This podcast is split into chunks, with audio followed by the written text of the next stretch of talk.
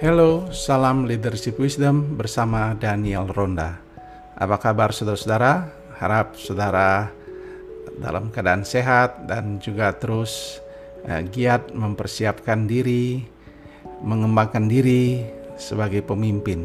Dan ketika saudara menyimak uh, podcast ini, saya sungguh bersyukur karena saudara masih ingin bertumbuh sebagai pemimpin. Itu sebabnya saudara menyimak podcast ini Nah, hari ini masih dalam seri kepemimpinan, maka saya uh, mengajak saudara uh, membicarakan satu topik yaitu pemimpin dan waktunya. Nah, sekarang uh, mengapa ini menjadi masalah? Ketika saya uh, berkeliling Indonesia, karena saya sering diminta hampir tiap bulan sebelum masa pandemi ini hampir tiap bulan bahkan sebulan dua kali saya berjumpa dengan gembala-gembala melakukan seminar, training, pelatihan, berjumpa dengan mereka dengan berbagai topik tentang isu-isu pengembalaan dan juga uh, kepemimpinan. Dan saya uh, dalam diskusi-diskusi mereka ada satu masalah krusial yang dihadapi gembala-gembala di Indonesia yaitu masalah uh, penggunaan waktu uh, mereka merasa uh, tidak efektif dalam waktu. Kenapa bisa terjadi? Karena memang budaya ngobrol, budaya suka diajak bicara, ngobrol, dan kadang-kadang lupa waktu. Dan para pemimpin, ketika dia sadar bahwa pemimpin uh, jangan terlalu banyak bicara dan ngobrol, tapi masalahnya adalah uh, kalau kita di desa, di daerah, ada orang datang ke rumah dan ngajak ngobrol, maka kita uh, tidak enak rasanya untuk menyuruh dia meninggalkan rumah kita atau meninggalkan kantor kita. Dan biasanya kita meladeninya dan ternyata kita sudah uh, membuang waktu dan target-target yang kita mau kerjakan hari itu menjadi uh, terbuang sia-sia dan kita merasa menyesal. Dan banyak yang bertanya Pak bagaimana caranya kita menghadapi situasi seperti ini? Memang tidak mudah menghadapinya namun uh, kita bisa secara perlahan-lahan mengubah hal-hal itu dengan misalnya permintaan maaf, minta maaf, uh, saya uh, misalnya sejam lagi akan ada acara. Jadi sebelum kita berbincang kita sudah menyampaikan permintaan maaf dan sebagainya penuh dengan uh, hikmat dalam kita menjawab, tetapi jangan kita uh, menuruti ya ikuti saja alur ketika diajak bicara dan sebagainya. Ada masanya memang ketika kita sudah cuti, rileks dan memang uh, kita boleh juga membuat waktu di mana kita akan hanya ngobrol, cerita-cerita uh, sampai setengah hari mungkin uh, karena di kampung biasanya ada banyak hal yang kita cerita. Tapi bisa dilakukan sewaktu-waktu Cuman jangan menjadi suatu hal yang uh, suatu rutin dan kebiasaan dan kita tidak bisa mencegah orang datang dan bicara uh, menyita waktu kita. Nah ini yang menjadi tantangan terbesar dari uh, para gembala kita di daerah-daerah di mana uh, susah menghadapi orang-orang yang datang. Nah yang kedua yang sering juga saya dengar adalah uh, bagaimana uh, ternyata gadget HP HP kita mem, uh, telah menyita begitu banyak waktu. Kalau kita melihat sekarang di di Amerika uh, katanya suami istri yang rata-rata menghabiskan 5 sampai 6 jam sehari untuk melihat HP dan itu uh, rata-rata yang bersifat hanya obrolan dan seterusnya. Tentu ada juga pengetahuan tetapi uh, kita sekarang terus terang banyak sekali menghabiskan waktu untuk hiburan dan untuk hal-hal yang bersifat uh, percakapan uh, di media sosial yang sungguh menyita dan menghabiskan waktu kita. Nah, tantangan-tantangan inilah yang harus kita mulai lihat karena kalau kita lihat buku teks kepemimpinan termasuk buku Oswald Sanders dalam buku Spiritual Leadership kepemimpinan rohani yang mengingatkan bahwa Pemimpin yang berhasil, pemimpin yang hebat, sangat uh, ditentukan oleh bagaimana dia menggunakan waktunya tiap-tiap hari. Dan ini yang harus diingat dan itu yang menjadi pelajaran terpenting buat saya ketika saya menjadi pemimpin, itu yang saya pelajari.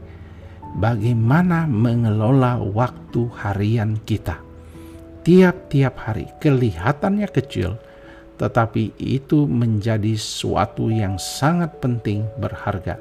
Sehingga kadang-kadang ada orang berkata kepada saya, bagaimana Bapak bisa menyelesaikan pendidikan uh, sambil mengajar dan uh, kemudian bisa merangkap tugas begitu banyak, menulis buku pada saat yang sama. Waktu saya sekolah di Amerika, saya menulis buku dan seterusnya. Jadi uh, mereka berkata, apakah Bapak kelebihan waktu? Tidak ada orang kelebihan waktu. Semua orang hanya punya waktu 24 jam. Jadi tidak ada yang memiliki dikatakan dia kelebihan waktu. Tetapi yang dimiliki adalah kemampuan menata waktu. Nah, ini yang perlu diketahui oleh para gembala, para pemimpin rohani kalau mau efektif. Bagaimana dia menata waktunya tiap-tiap hari. Nah, saya senang kalau saudara memiliki uh, ada satu prinsip yang saya pakai dalam menata waktu. Saya memakai sistem uh, 8 kali 3.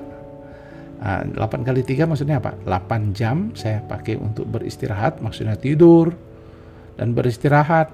Uh, mungkin siang setengah jam, malam uh, ada 7 jam dan kemudian waktu setengah jam untuk istirahat. Jadi uh, 8 jam itu dipakai untuk beristirahat. 8 jam berikutnya adalah waktu untuk bekerja. Maka saya membuat berapa lama waktu di kantor, mengerjakan apa, membalas email, melakukan uh, persiapan materi-materi pelayanan, rapat, meeting, dan uh, korespondensi, uh, perjumpaan, semuanya Eh, saya hitung 8 jam. Lalu 8 jam berikutnya adalah uh, waktu yang dipakai untuk bersantai, mengembangkan diri, hobi, uh, berjalan dengan keluarga, menonton film. Jadi saya menghitung hari seperti itu dan menatanya. Dan itu yang menjadi suatu uh, kebahagiaan karena tiap hari merasa, saya merasa efektif uh, dengan waktu itu. Tentu kalau kita memutuskan untuk liburan kita tidak bagi waktu seperti itu, tapi hari-hari kita membagi waktu seperti itu. Tentu tidak kaku cara membagi itu. Kadang-kadang tentu pelayanan lebih lama daripada uh, apa namanya waktu untuk uh, mengembangkan diri santai bersama keluarga menonton film. Tetapi uh, pada prinsipnya secara normal seperti itu. Kadang-kadang waktu di mana kita pelayanan lebih lama dan seterusnya. Nah, 8 kali 3 itu yang saya selalu gunakan. 8 yang ada istirahat, 8 bekerja, 8 waktu untuk diri, pengembangan diri, dan waktu untuk me, menghibur diri, membuat santai dan seluruh olahraga juga termasuk di dalamnya. Kita harus hitung seperti itu. Prinsip yang kedua di samping 8 kali 3 adalah uh, prinsip bagaimana menetapkan prioritas waktu. Apa yang prioritas harus dikerjakan. Sehingga kita membuat agenda-agenda. Misalnya saya ketika menyusun disertasi, menyusun tesis, saya bisa tepat waktu karena saya menyusun agenda-agendanya. Jadi kita harus punya jadwal apa yang harus dikerjakan dan seterusnya. Itu berdasarkan prioritas waktu. Jadi kita harus punya agenda-agenda prioritas-prioritas yang kita akan kerjakan. Jadi waktu kita akan merasa akan terasa efektif sekali. Nah, itulah uh, penggunaan waktu. Dan yang berikutnya tentu kita mengevaluasi uh, efektivitas itu setiap hari kita mengevaluasi. Dan saya senang dengan mentor saya Pendeta Nyoman Enos di Bali uh, selalu mengingatkan kita apakah kita telah ada efektif dalam berbuat sesuatu untuk Tuhan pada hari itu. Apa yang kita kerjakan untuk Tuhan pada hari itu, itu selalu diingatkan. Kalian yang praktek, kalian yang menjadi uh, bawahan kami, dan orang-orang yang dibina sebagai hamba Tuhan, kalian hari ini kerja apa? Untuk Tuhan, pelayanan apa? Jadi kita harus mengevaluasi waktu kita. Nah, memang uh, ada kalanya Pak, hari ini saya ada liburan, ada itu. Tentu kita tidak menghitung itu, tetapi ketika kita efektif, kita akan menghitung apa yang telah kita kerjakan pada hari itu. Terutama para gembala yang tidak uh, diatur oleh atasan dalam mengatur waktu jam kerja, tetapi di mana para gembala itu uh, waktunya adalah fleksibel, dia sendiri yang mengatur. Nah, perlu dia melakukan evaluasi. Nah, saya rasa kita sudah menyadari ada masalah dengan waktu, tetapi jangan biarkan waktu kita terbuang-buang. Jangan sampai saudara merasa kehabisan waktu, apalagi ketika saya jumpa dengan para gembala di daerah, ayo sekolah, dia bilang, Pak tidak ada waktu, tidak ada istilah tidak ada waktu. Saudara, masalahnya adalah tidak bisa menata waktu. Itulah permasalahan kepemimpinan yang harus diperbaiki jika kepemimpinan kita mau berubah dan bertumbuh. Tuhan memberkati kita. Salam.